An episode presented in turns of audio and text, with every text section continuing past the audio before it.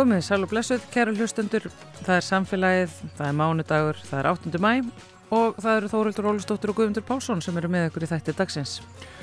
Núna fyrir helgi var kynnt úttækt á stöðu hýtaveitna og nýtingu jarðhita til húsitunar og það var umhverjus orku og lofslagsráð þeirra sem fól íslenskum orkuransóknum að gera þessa úttækt vegna erfiðra stöðu hjá mörgum hýtaveitum í kuldanum e, síðasta vetur og meðal þess að kemur fram í þessari úttækt er að tveir þriðju hittaveitna sjá fram á aukna eftirspurn og telja að það getur orðið vandi að mæta henni. Auður Agla Óladóttir, jarfræðingur hjá Ísor, er eitt þeirra sérfræðingar sem unnu þessa úttækt og hún ætlar að fara yfir það helsta með okkur hér á eftir.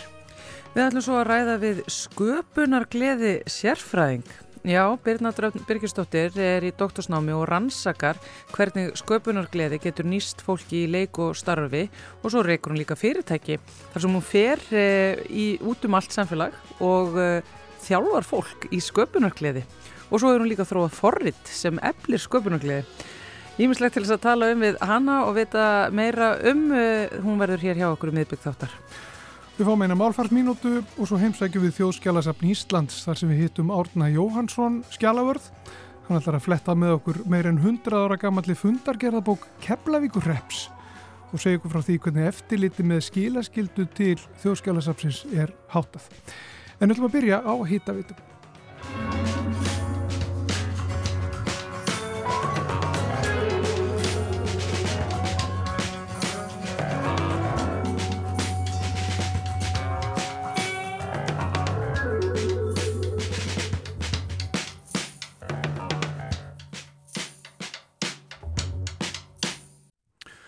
Hún situr hérna hjá okkur auður Agla Óladóttir, uh, jarfræðingur, eitt er að sérfræðinga sem að koma að þessari nýju skíslu um, um hitaveitur og nýtingu jarðhita til húshitunar.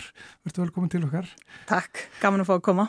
Sko það kemur hann í ljósið sem við sögðum áðan að, að uh, tveir þriðju hitaveitna sjá fram á aukna eftirspurn og telja að það getur verið vandi að mæta þessari eftirspurn.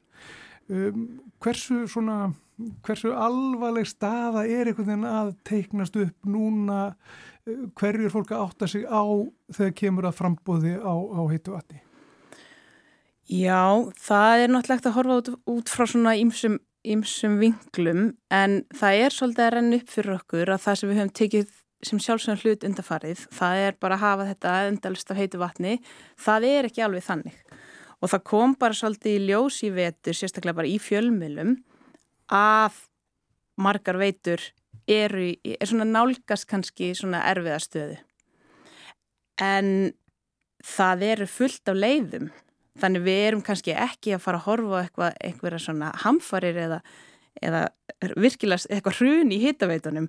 Heldur erum við bara að kalla eftir því að, að nú sé tímapunktu til að snúa við blæðinu og, og, og bæta þessa stöðu. Já. Hvað fleira kemur þetta fram sem er, þarf að taka tillit til? Ég skýslan í rauninni gengur út á að reyna að átta sig á stöðu allra hittaveitna á landinu. Og þá voru við að reyna að kortleggja það hver vandin er og, og hvaða veitur það eru sem er í vanda og, og svona kortleggja þetta. Og það sem kannski er svona um, ábyrrandi er að um, það eru þessi þætti sem að, svolítið að koma í ljós, það eru hérna, íbúa fjölguninn sem er töluverð, hún er svolítið mistreið um landið en, en sumstar er það verulegt verkefni, svo er það fjöldi ferðamanna. Og ferðamann þurfu ekki bara hótelgistingar og útsýnspalla, þeir eru líka nota veitukerfin, bæði hittaveituna og kaldavatni og fráveituna líka.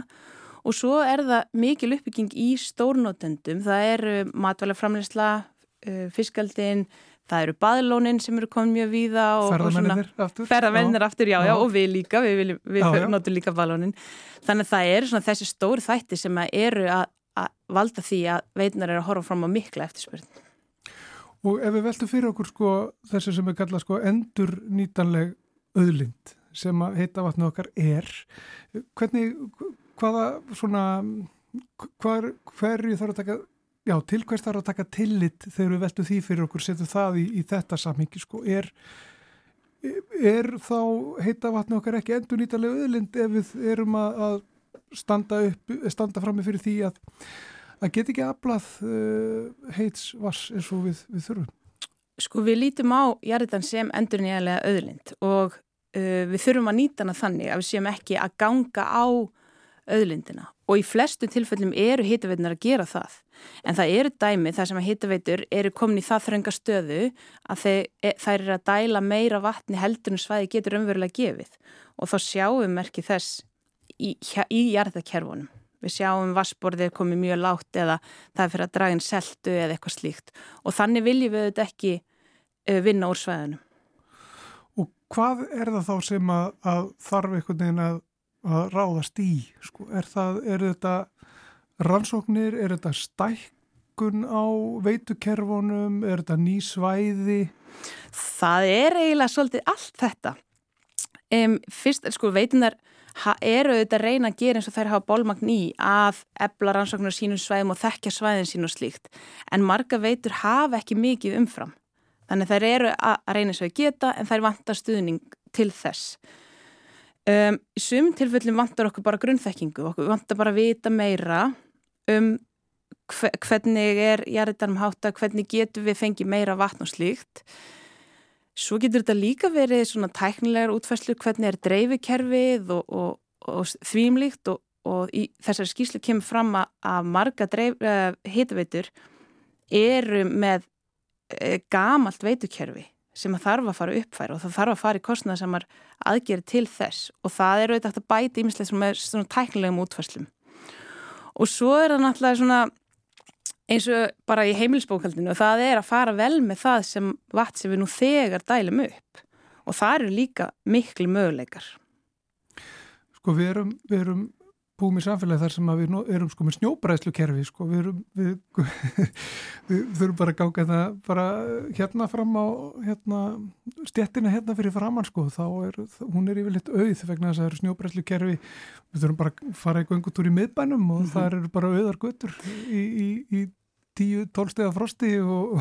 Já, ég held að óhætt að segja við séum svolítið svona deguróur hérna á Íslandi hvað heitavatni varðar og við viljum líka bara hafa heitapotta og, og alltaf geta komist í sund og allt þetta og þetta svona í sögulegu samingi er saga heitaveitinar á Íslandi rosalega flott og farsæl saga og við sjáum að við erum að um, heitaveita fyrstu þorpin á 5. áratug síðustu aldar og svo verða þessi stóra bylting þar sem við fösum út uh, jarðmjölsneti í húsitun og og erum svona búin að hita veitu væða kannski 80% heimil á landinu bara strax á, á 7. og 8. áratug síðustu aldar og þá erum við komin í frábæra stöð og, og, og, hérna, og við höfum kannski svona aðeins glemt okkur, við höfum kannski svona pínu værukæri undan farin áratíu og erum svona já, fann að taka þessi heita vatni bara sem sjálfsögum hlut En tækni breytingar veginn, og, og leiðir til að, abla vass og miðlaði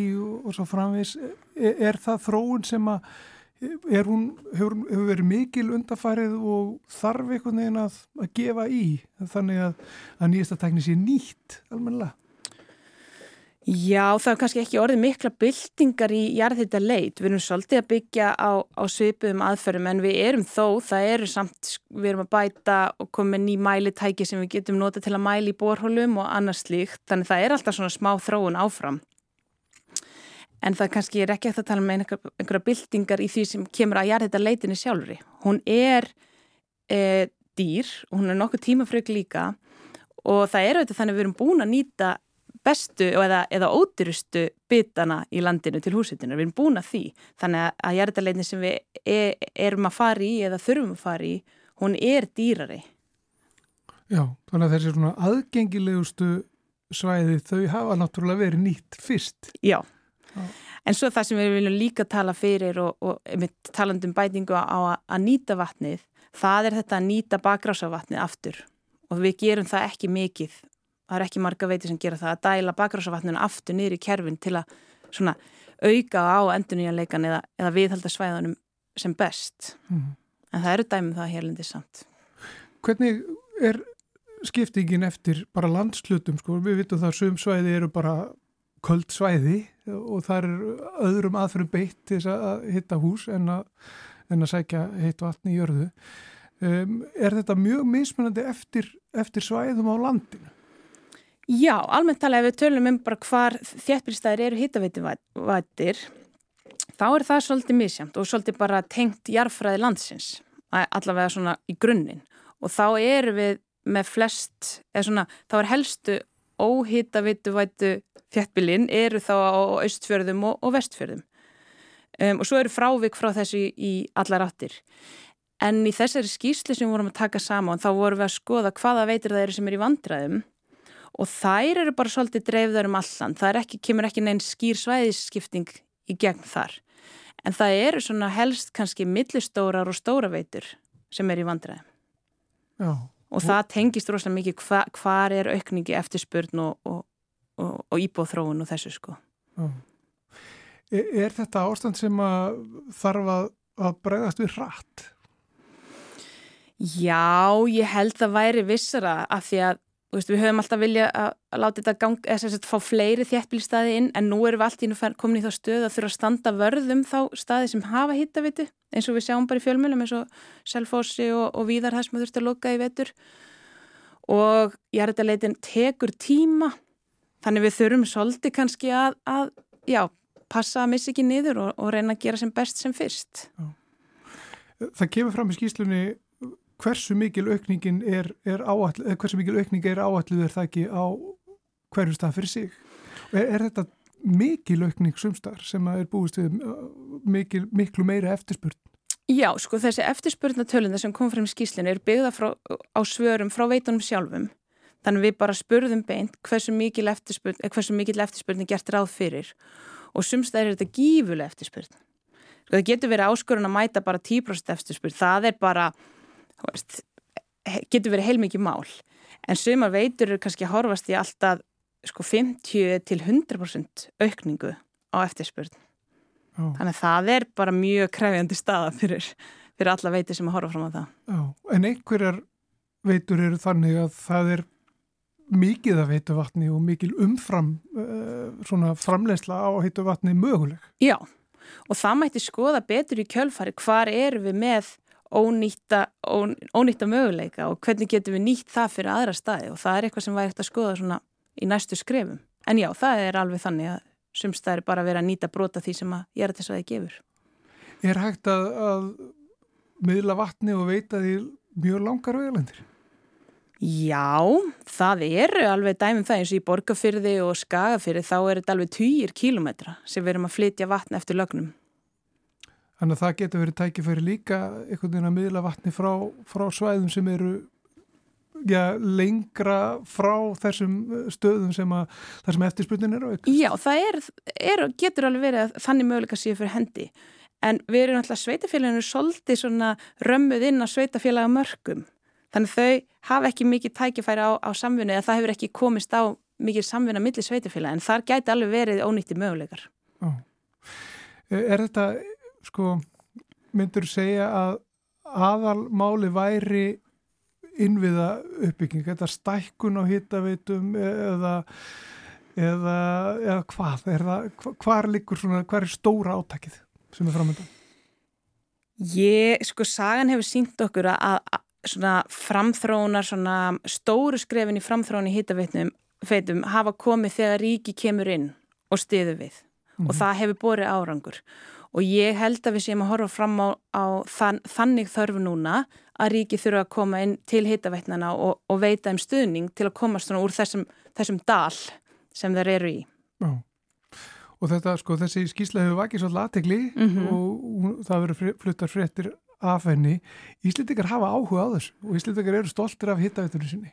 Finnir þið fyrir því? Já, ég held, já. Ég held að þetta sé svolítið bara svona sama við okkar menningu og, og hérna, við viljum, hittaveitur er ákveð flagskip í umhverfsmálum í raun og veru og okkur bar gæfa eða forverum okkar bar gæfa til að hittaveitur væða þetta um miða síðustöld og, og það er svona, já, ég held kannski við erum að fatta meira og meira hvers virði þetta var í svona þessu um, umhverfslega samhengi, sko. Já. Og núna er, er, það, er það náttúrulega málmálana? Nú er það málmálana og þá, við, þá verðum við að passa upp á hittaveitunar. Einmitt. Eh, það er þetta að skoða þessa skýslu og við fjöldunum hana. Eh, það er náttúrulega við stjórnarásins mm -hmm. sem mhm. hefur þau hafa byrt þetta. Já. Það er hægt að lesa skýsluna og skoða kynninguna ykkar. Já, það var farið yfir þetta allt bara á, á hérna, blamanfundi fyrir helgi og það er allt aðgengilegt á VF stjórnarásins. Ummitt. Takk fyrir þetta. Eh, gaman að fá því heimsókn auður Agla Óladóttir, jarfræðingur hjá Íslenskum orkuransóknum og eitt þeirra sérfræðingar sem að unnu þess að viða miklu úttekt eh, á stöðu hittaveitna og, og nýtingu jarðhitta til húsitunar. Takk, Takk fyrir mig. Takk. Háður fólk eins og ég og fleiri Hér finnst þú líkastur bættri flík Og situr langeigur út á landi Og langar söður í Reykjavík Sjáðu fokkerinn fljúa Frænka önundar kannskum ból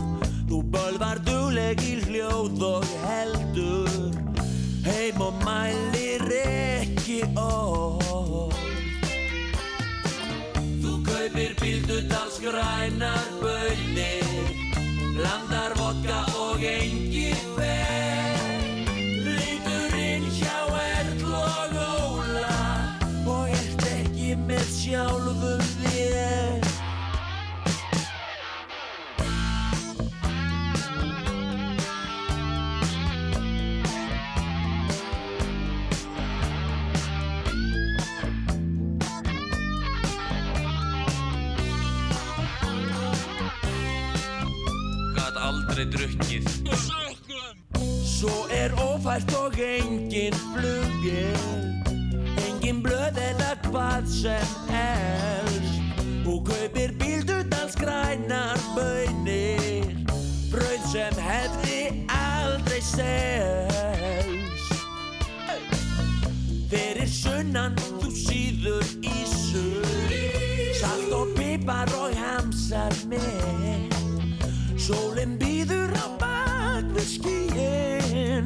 Bráðum gæti eitthvað skeið Þú kaupir bíldudals grænar bönir Blandar vodka og engi fer Lítur inn hjá Erl og Óla Og ert varla með sjálfri þér. Dúetin Jolli og Kóla, bíldudars grænar bönir. Hjá mér setur Birna Dröfn Birgisdóttir sem er svo kalluð sköpunar gleði sérfræðingur. Bæði er Birna í doktorsnámi og rannsakar í því hvernig sköpunar gleðin getur nýst fólki í leiku og starfi og svo reykur hún líka fyrirtæki þar sem hún þjálfar fólk í sköpunar gleði og hefur líka þróað forrit sem eflir sköpunar gleði. Sælvertu Birna og velkomin. Takk hella. Sko þú verður eiginlega að byrja að koma með Já, ég veit ekki, einhvers svona fræðilegar útskýringar og tengingar á þessu viðfangsefniðinu og doktorsverkarni sköpunagliðinu. Já, sko sköpunagliði er skilgreint sem hugsunarmynstur sem leiðir af sér eitthvað nýtt og nýttsamlegt. Mér finnst að ég vil ekki áherslu á að þetta er hugsunarmynstur og við getum styrt hugsunarmynsturinn okkar og við getum þjálfað hugsunarmynstur okkar og fólk er oft vantið að fara sko að æfa kannski er það bara að spila golf og það fyrir að taka hérna námskeið í að spila golf betur. Já. en fæst okkar eru að þjálfa hugsanmynstur okkar. En þetta hugsanmynstur hefur svo gífileg áhrif á líf okkar. Og, og líka bara sköpunargleði er sko þetta hugsanmynstur sem leiður að sér eitthvað nýtt og nýttanlegt og þetta er talið verið forsenda nýsköpunar. Þannig að, að þetta er það sem kemur fyrst og svo er það nýsköpun sem er skilgrænt sem framkvæmdinn á hugmyndinni. Já, en er þetta þá tengt til dæmis veist, við sálfræðina eða veist, sprettur þetta svona upp úr, upp úr þeirri fræðigrein? Sko, þetta er rannsaka á mörgum sviðum. Já. Þetta er rannsaka í sálfræði og þetta er rannsaka í viðskiptfræði. Ég er í viðskiptfræði og hérna doktorsnáminu þar. Þannig í nýsköpunum og frumkvöla sviði HR. Og svo er þetta líka rannsaka bara í heila e, vísindum og Já, alls konar og svo bara það er í hérna, það er eitthvað rannsaka sko mataræði sem er áhuga, sko, áhrif á sköpun og, og reyfing og það bara, þetta er svo, þetta er svo viðtækt hvað þetta hefur, eitthvað, hvað hefur áhrif á sköpun. Þannig að þetta er rannsaka í mjög, mörgum fræðisviðum. Já, auðvitað, svona þver faglegt greinilega og sköpunarklæðin svo sem alveg eitthvað sem hefur fyllt manninum alltaf mm -hmm. En, en, en það, það sé svona verið eh, að ymbytta sér að því að virkjana sérstaklega og, og æfa sér í henni, það er, það er bara eitthvað sem ég bara hef ekki, hafði aldrei heyrt af. Akkurat, nákvæmlega, fæstir, held ég átti sér á því að við getum þjálfað og svona. Og já, ég til dæmis bara, ég lendi í bílslisi og þurfti að vera í endurhengu og þá lærði ég alveg einstaklega mikið um að endur fór þetta heilan.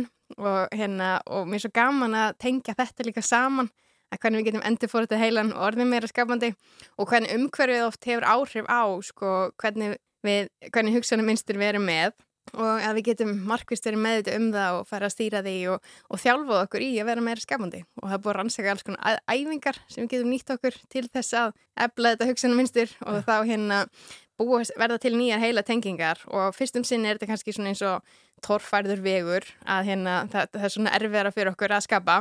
Uh, en svo því meira bara sem við þjálfum okkur því meira verður þetta eins og hraðbrut og þá er miklu auðvildar fyrir heilan að fara í að skapa og koma með óhefnina laustir og hérna já og, og mér finnst þetta svo magna að við getum svona breytt heilanum okkar og uh, svona þjálfa okkur í þessum ofur krafti sem sköpunarkliðan er Þetta er þá rauninni bara svona til dæmis eins og svona sjúkraþjálfarar, yðjúþjálfarar eru að, að, að benda mann á um hvernig maður á að beita sér eða veist, hvernig maður á að lifta einhverju þungu upp eða setja í skrippastól þetta er bara, veist, til þess að veist, bæta líðan, þetta er bara þannig bara inn, innan já, í þér. akkurat, Þetta er algjörlega magna en byrju sko, af því, að, af því að allir fæðast með einhver sköpunum, þetta er samanlegt en mm. svo er fólk kannski mismunandi við mismunandi getur til þess að nýta sér þetta það eru sömur sem eru bara miklu betri í þessu heldur en aðrir mm -hmm. en allir geta hins vegar alltaf orðið betri Akkur. en sömur eru þá bara hvað, einhvers svona náttúrutalent í sköpnagliði Já, já, það tala um sko að við fæðumst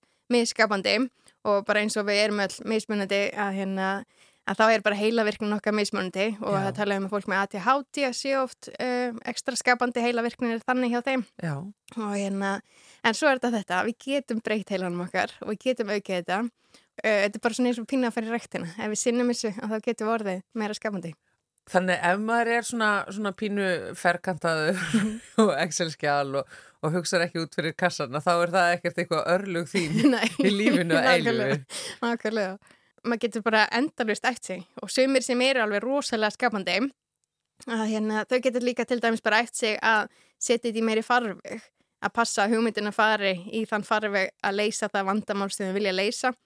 Og svo líka í þessu er þetta að skilgrana rétt af vandamáli og að stýra hugsanmynstrinu í þá átt að fara að leysa skilgrinda vandamáli sem við ætlum að leysa. Já, hvernig hjálpa sköpunugleiði manns í lífuna? Því að ef einhver er að núti bara ég, bara, við hefðum fínt, bara hér eru bara góðu, í góðum álum þarf ekki einhverja sköpunugleiði til þess að hérna, fara í gegnum lífið. Ég er bara þannig vinnu og þannig lífi. Já, það tala um sko að eitt helsta vandamál fólks er að trúa því að við eigum ekki að vera með vandamál.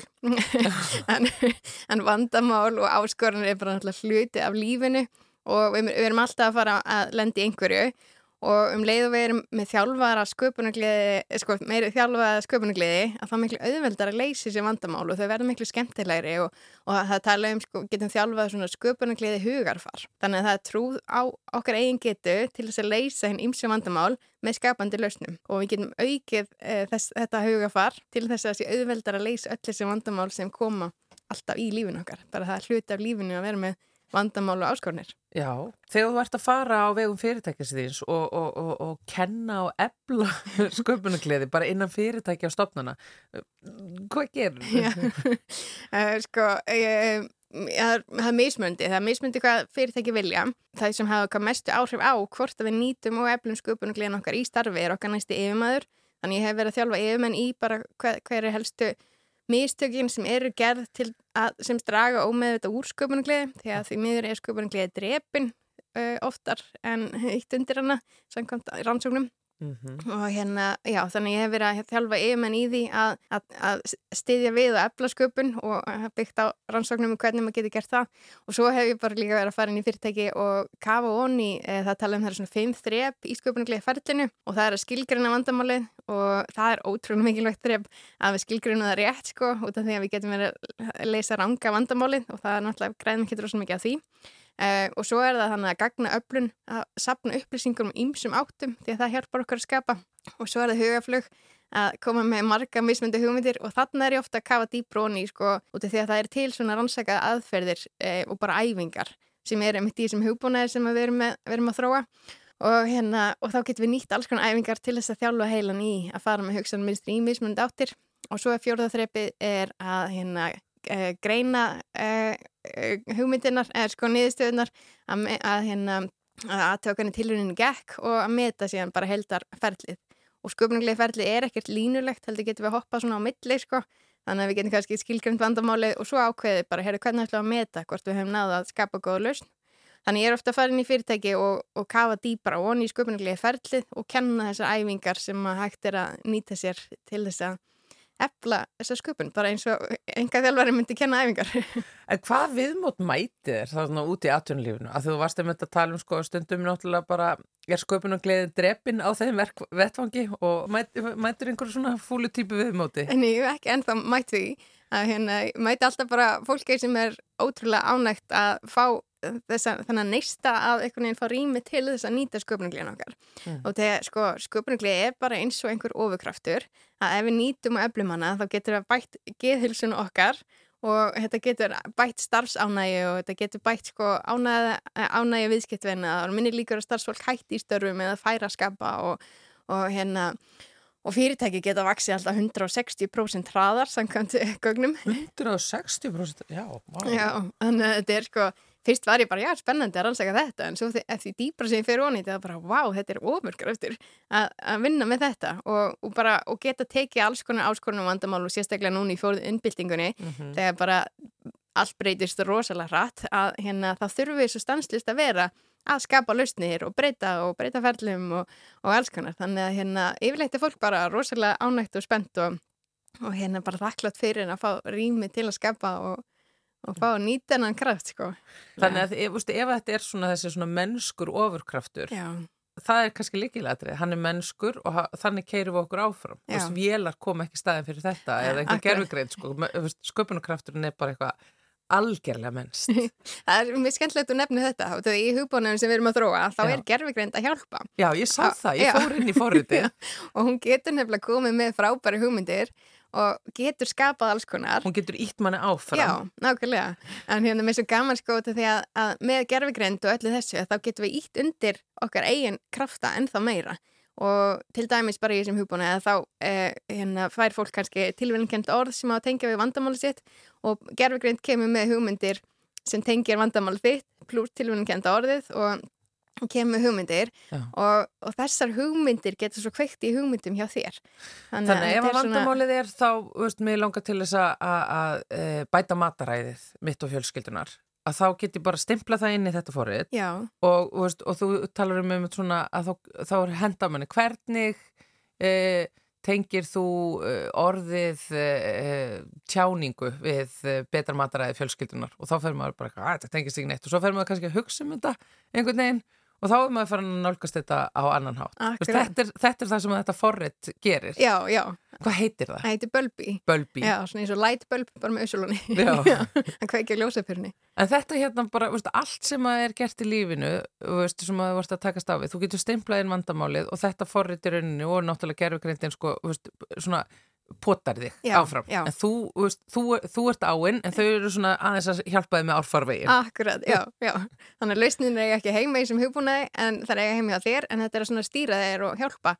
Að stýra út af því að sko heilin okkar er gerð þannig að hann vill alltaf vera að spara orku og það tekur meiri orku að fara í eitthvað nýtt svona hugsanaminstur sem við erum ekki vön á meðan við erum að æfa það.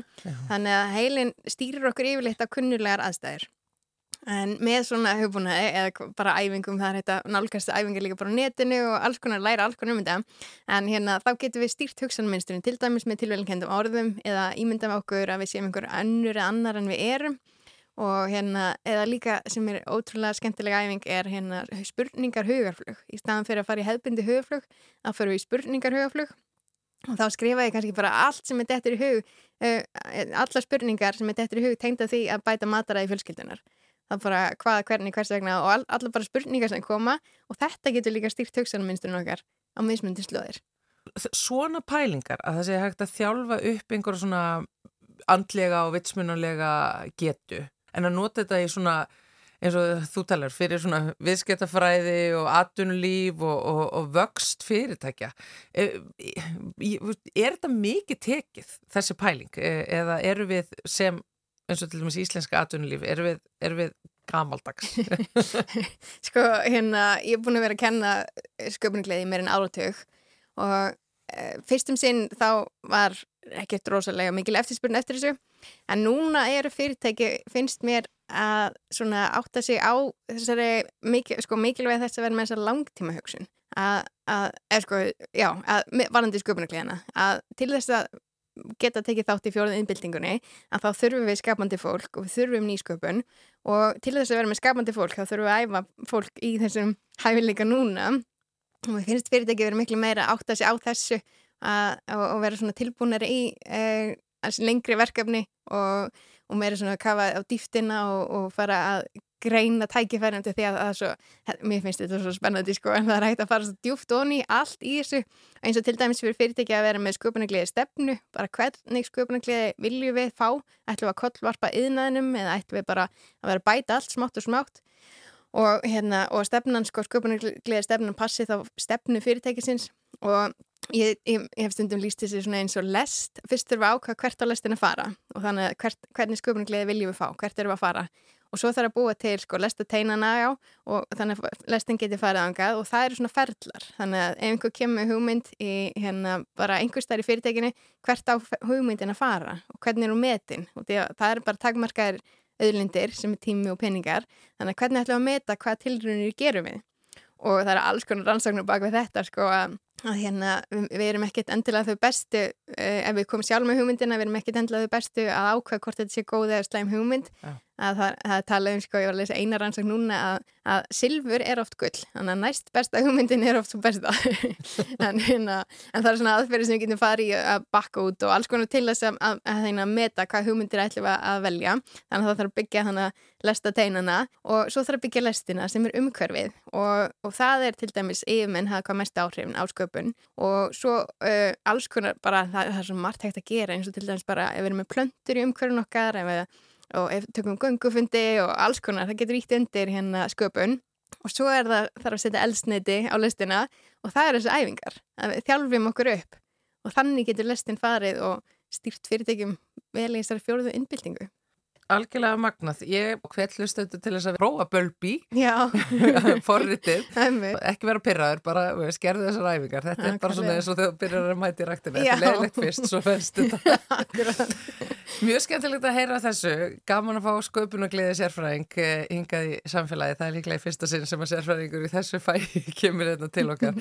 Byrnandröf Birgisdóttir Takk fyrir að koma og gangiði vel með doktorsarannsóknuna þína. Takk kærlega You'll never know how much I really love you. You'll never know how much I really care.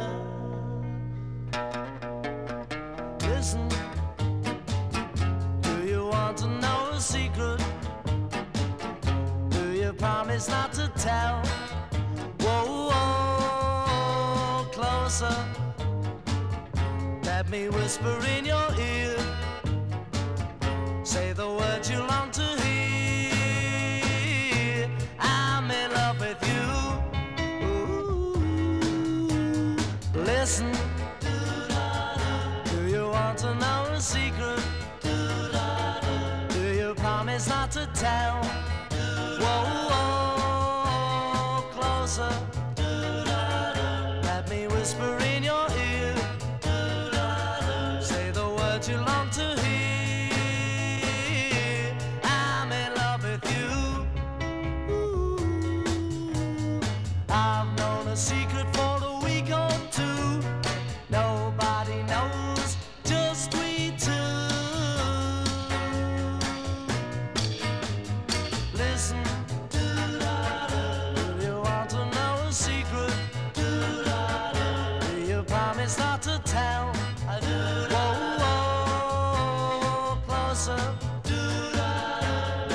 whispering.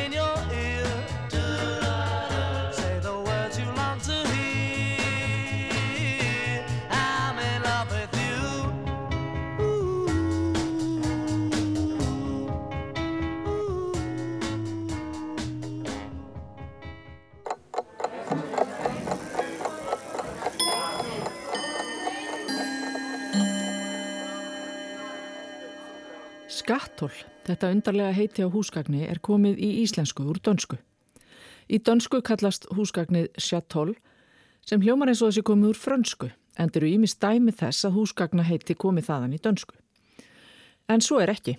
Sjatól kemur úr þísku og heitir á því máli sjatúle en þangamunna komið úr ítölsku þar sem það er skatúla. En ólíkt danska sjatól og íslenska skattólinu er ítalska skatúla og þíska sjatúle alls ekki stórt og mikið húsgagn með skúfum, hurðum og borði, heldur kista eða skrín. Aftur á móti er hljóðþróunin á ferðum þessa orðs á milli tungumála aðeinsverð því á ítölsku er upphafsljóðið sk, á þísku verður það sj, sem helst í dönsku þóttur ítátturinn sé annar og loks verður það aftur að sk á íslensku þegar skatthólið kemur til landsins og í málið.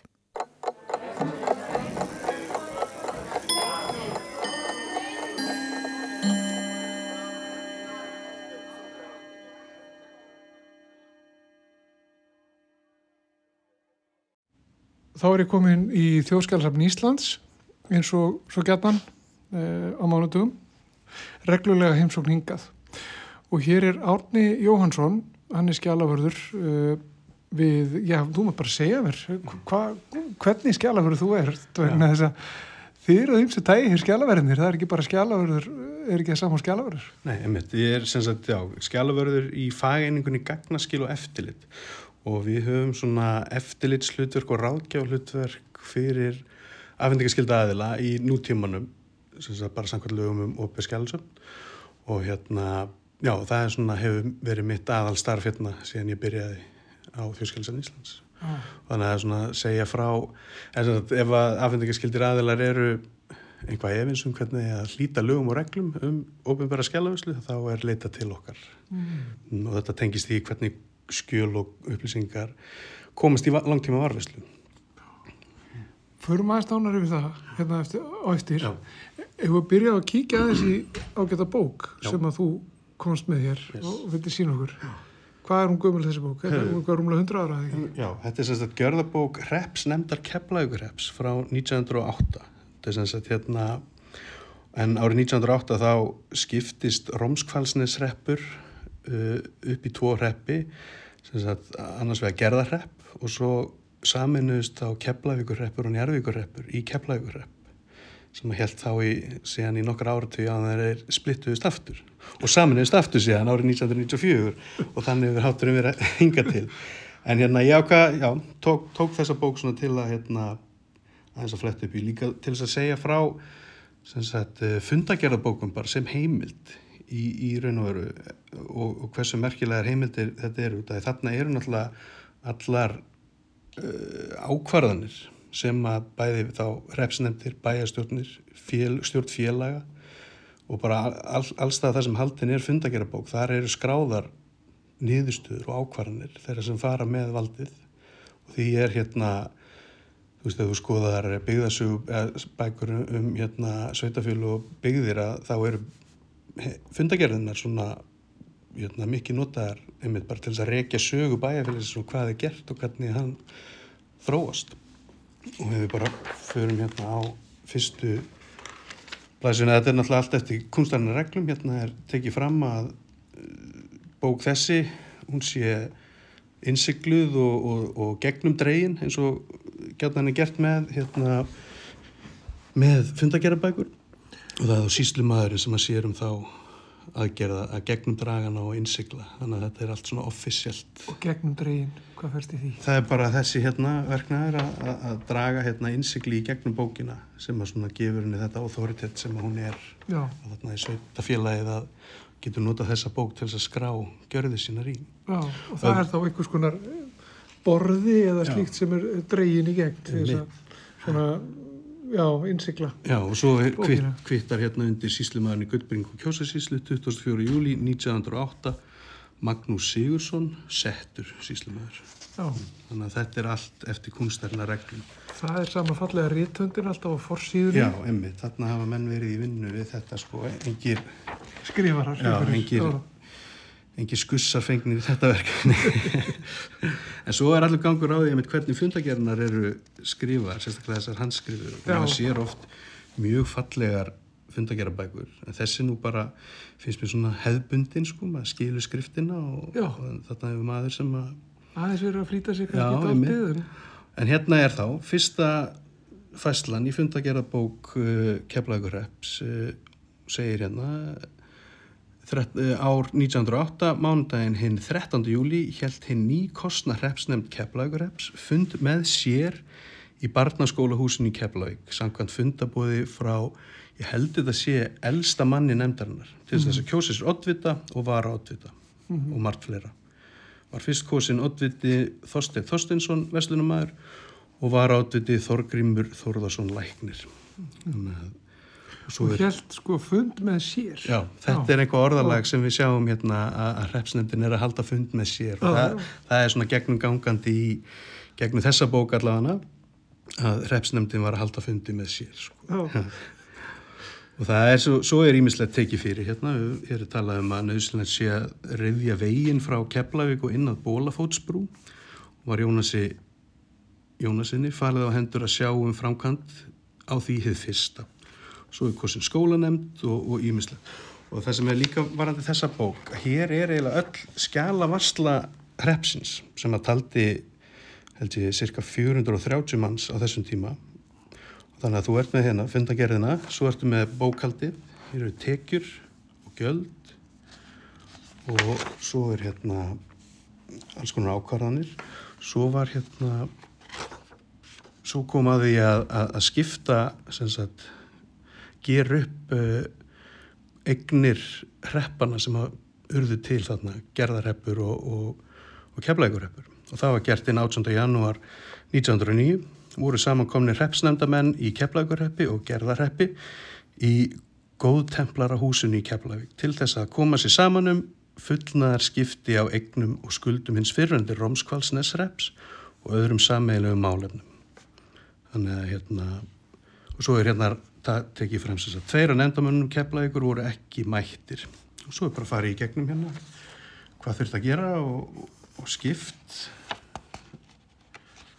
öllu. Og svo er tal, taldir upp hérna þegar fólk var náttúrulega framfæri hreppana mm -hmm. og hér er til dæmis uh, sagt, útstöður ráðstæða þannig að keflagur hefur eignast kröfu og hendur þessum mönnum sem eru síðan taldir upp og hvað er skulda hreppnum ah. svo gerða hreppur eignast kröfu og hendur þessum mönnum og þeir taldir upp.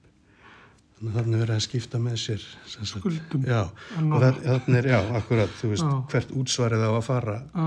sem hefði annars farið til Rómskvalsnes hreps fyrir 1908 Já, ég er sko hér er, hér er nafngrind fólk og það kemur jafnvel fram hvar það bjó eitthvað slíkt sko. Eru þetta viðkámar persóneflýsingar sko, á, á þessum tíma þá er náttúrulega allt annað viðhorf. Já, uh, þær eru það náttúrulega og sérstaklega ef við skoðum aðra lista sem eru hérna þá eru sagt, þurfamenn og, og fátæklingar. En þetta er hérna, þetta er sagt, þurfamenn eldar en 16 ára talað um styrk þegar og emitt heimili. En nú er þetta orðið það gamalt sagt, að ef það er því óskað eftir þessari bók að þá hérna væri hægt að afgreða hana bara niður á lestarsal en náttúrulega á þessum tíma var þetta kannski já, kannski ekki hleyft hverjum sem er í þetta og bara almennt líka ef við horfum að funda gera í dag eins og hjá, til dæmis hjá Sveitafjölum þá er það bara allt komið á netið. Mm. reyndar náttúrulega án personupplýsinga en, en maður getur séð mjög fljótlega allar ákvarðanir Sveitafjöla í, í raun tíma sko og hérna beitnum útsendingu nána sko og hérna En eins og ég segi, þessar upplýsingar eru orðnað það hérna gamlar að það er falla ekki undir að það, þeim sé lokað út af personhöldinni sko. Þannig að þetta er svona alls konar hérna sko skýslega við það sem fardaga, fardagar voru svona uppgjörstíma, hefur verið borgað til fátækra úr hérna fátakarsjóði keflaugurreps og það er bara talið upp hvað fólk ah, ja, ja. fekk sko. Og þetta er 1908 til 1909? Já, þannig að hérna, þessar upplýsingar myndi ekki líka kannski með fundagerðum í dag þegar þú veist svona, fél, ja, þannig eru komið félags mm -hmm. hérna, þjónustuna. En svo ætla ég svona aðeins bara til að hérna, það er mjög þótt eða skemmtilegt. Ég er semst úr Keflæk og hérna, hér er umræða um semst byggingu barnaskólahús í Keflæk sem var þá fyrsta steinstifta húsið í Keflækur ef, ég, ef ég maður rétt. Og þá er hérna árið 1910, 3. 11. oktober var haldinn almennu repsfundur til þess að ræða um barnaskóla byggingu í Keflæk og hér er að ræða sagt, um hérna, kostnæðin við að byggja það úr timbri sem var þá 9.200 krónur en steinsteipuhús 9.350 krónur mm. og var það eindreið álitt allra fundamanna að byggja skildi steinsteipuhús þar sem að það hefði marga kosti för með sér en með því að fundin sóttingin um að 30 manns var áliti réttara að ráða ekki málunu Til hlítara sinni var því frestað að gera út um það þar til þann átjónd á þess mánar, semst oktober, uh, að hreppskilaþingi skildi halda,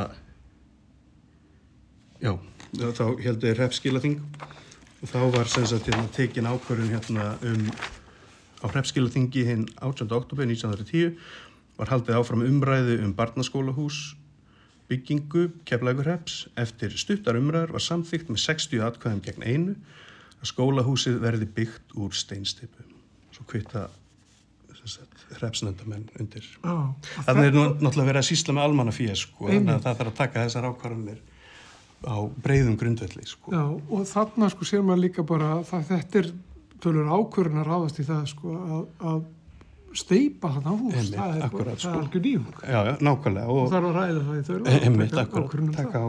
að, það, og þetta hús stendur enn maður veit ekki hvað hefði gæst með Timburhús byggt árið 1911 hvort að það stæði enn hérna ef að hérna ef þyrti, veist, með tillitið til viðhalds og svona. Mm -hmm. og svo er eitt hérna í viðbót varandi það sko, svo er í þessari fundagjara bók hérna afrið af brefum sem eru sendt, eins og ég sagði það, veist, öll skjálavarslan er nánast hérna í þessari einu bók. Mm -hmm.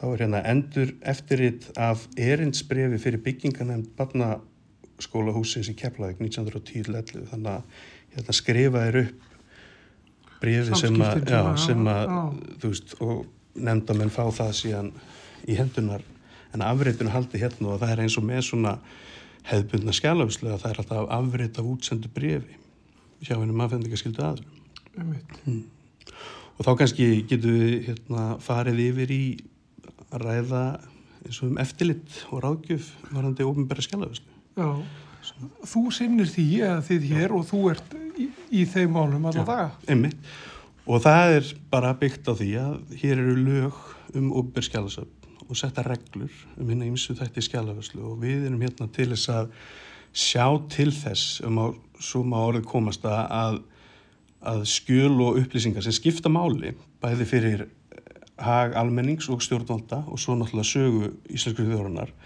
séu haldinn og séu aðgengileg þegar á þar að halda og komist í varalega varfisli eins og við erum núna hérna með 115 ára gamla fundagerabók sem komst á samt og þú varst Eh, síðast að tala við Kristjónu Kristinsdóttur um eh, lensreikninga frá 17. öld mm -hmm. þannig að við erum svona að reyna að sjá til þess svona ef við hérna, sláum markmiðin upp með göfum hætti að, að eftir 200-300 á verður þetta jafnvel rannsaka okkar öld eins og við náum að rannsaka fyriraldir hm.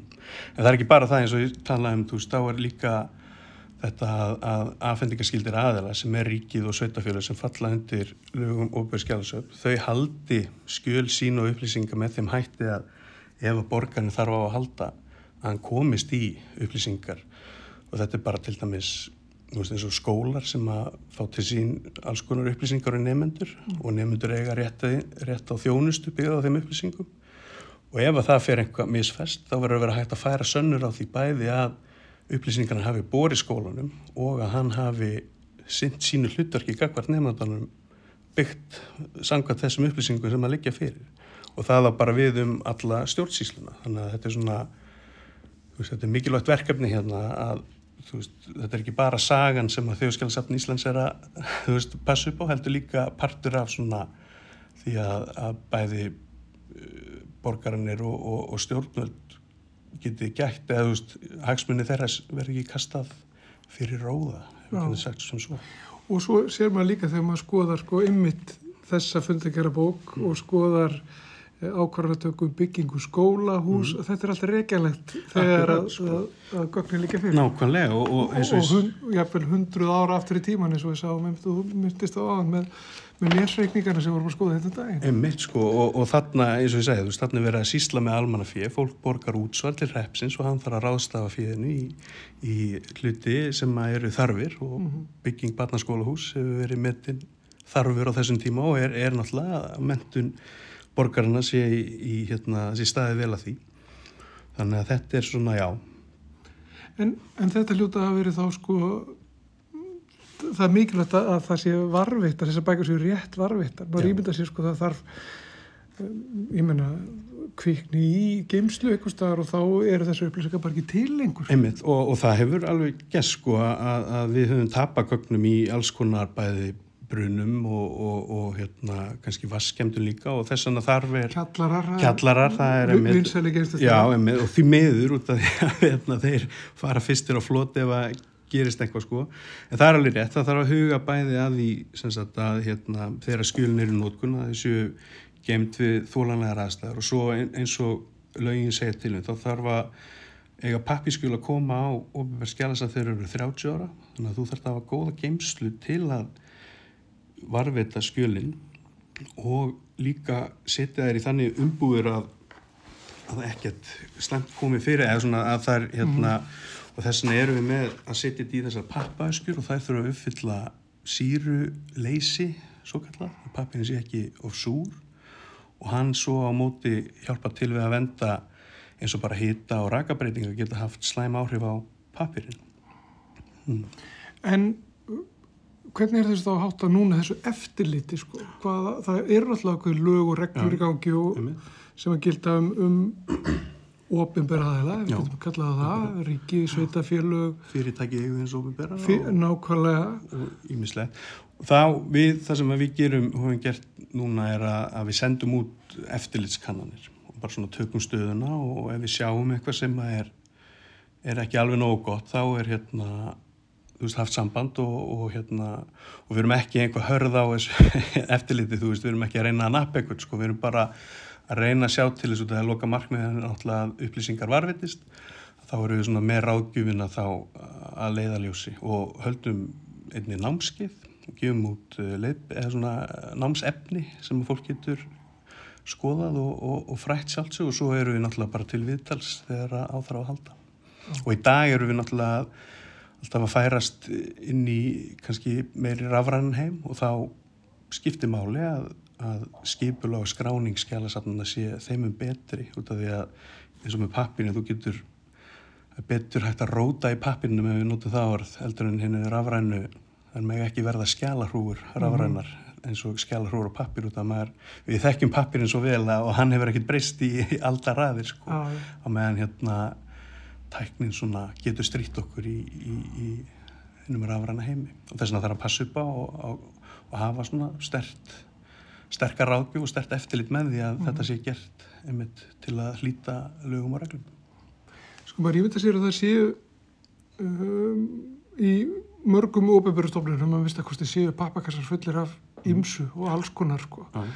og þó það séu sko, reglur í gildi mm. meðferð skjala og það sé búið að gera skurki því mm. að, að halda almennileg skjálasöfn og það sé allt einhvern veginn eftir kunstarna reglum og allt geimt eftir einhverjum, er þetta ekki einhverju liklar og svona yfirleitt sem að flokkuna kerfi og, og þess að það sko.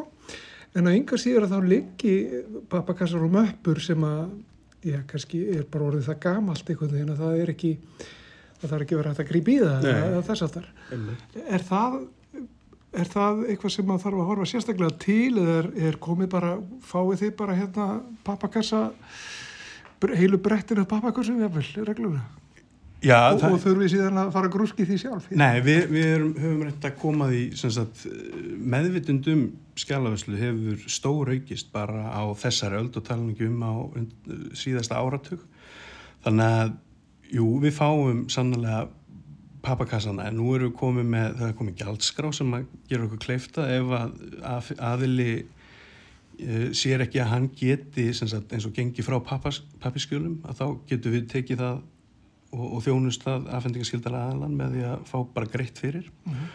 en í dag eru flestir svona orðnir, það meðvita er um skildu sínar að, að þeir ráðast í veist, þetta er oft svona átagsverkefni eins og segir að ganga frá kannski skjölinn sem eru komin á aldur, þannig að 30 ára aldur og þá er einmitt haft samband við okkur og við getum farið í heimsókn og, og svona litið á vandamáli og, og ráðlagt hvernig er best að gera þetta og, og byrja og hérna en, en þetta er einmitt, þetta er eitthvað sem við vitum af og samkvæmdi einmitt einni kannunni þá eru já ennþá 170 kílometrar af pappiskjölum séu þessar upplýsingar sem við fengum á, á sínum tíma.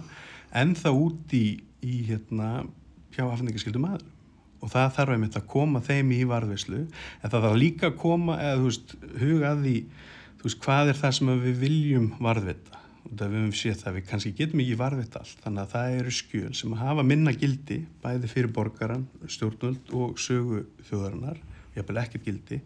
Og það er þá kannski hægt að sækja fram í, í að grísja skjölinn en það þarf náttúrulega að gera það eftir mjög ströngum skilurðum og þar er, þar er einmitt eitt, eitt parturinn af ráðgjöfun og eftirlitun er að, að afgreða grísunar beðnir afhendingaskildra aðeila og Já. það er alveg, veist, stíft ferli sem að hérna, þarf að stíga mjög varlega til jarðar sem við gerum náttúrulega til að við séum ekki henda einhverju sem að geti skipt máli í, í nútíð og framtíð sko. Mm. En það er einmitt að komast meiri meðvitund á þetta og afhendingaskildir aðalega eru sjálfur að koma auðvitað á þessi skjöl, þeir náttúrulega þekkja skjölinn sín hvað er, þeir eru að vinna með.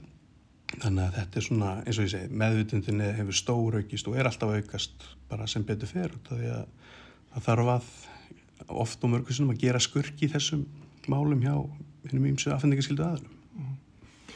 Þetta er mjög áhugavert, Otni Jóhansson, skjálfurður hér hjá Þjóðskjala Samni Íslands eins og alltaf gaman að koma í heimsók til okkar Já, takk, takk fyrir að taka mútu okkur. Takk. Aðteglisvert í alla staði allt það sem er að gerast á þjóðskæla safninu svo mikið vist og maður kennst betur og betur að því þessum reglulegu heimsóknum okkar hér í samfélaginu á þann stað. Eh, því líka auða við eru þarna innan hús og, og bara svo ógæslega mikið að skrýtnum hlutum. Já, og þekking. Og þekkingin, maður minn. sem að, sem að þekkir sitt fag. Já. það er líka mikilvægt. Já, reynunum af þessu. En lengra verður ekki komist með samfélagið þennan eh, ágæta mánudag. En eh, Guðmundur Pálsson og Þórður Ólstóttir verða hér aftur á morgun að sjálfsögðu. Á sama tíma, sama stað. Verðið sæl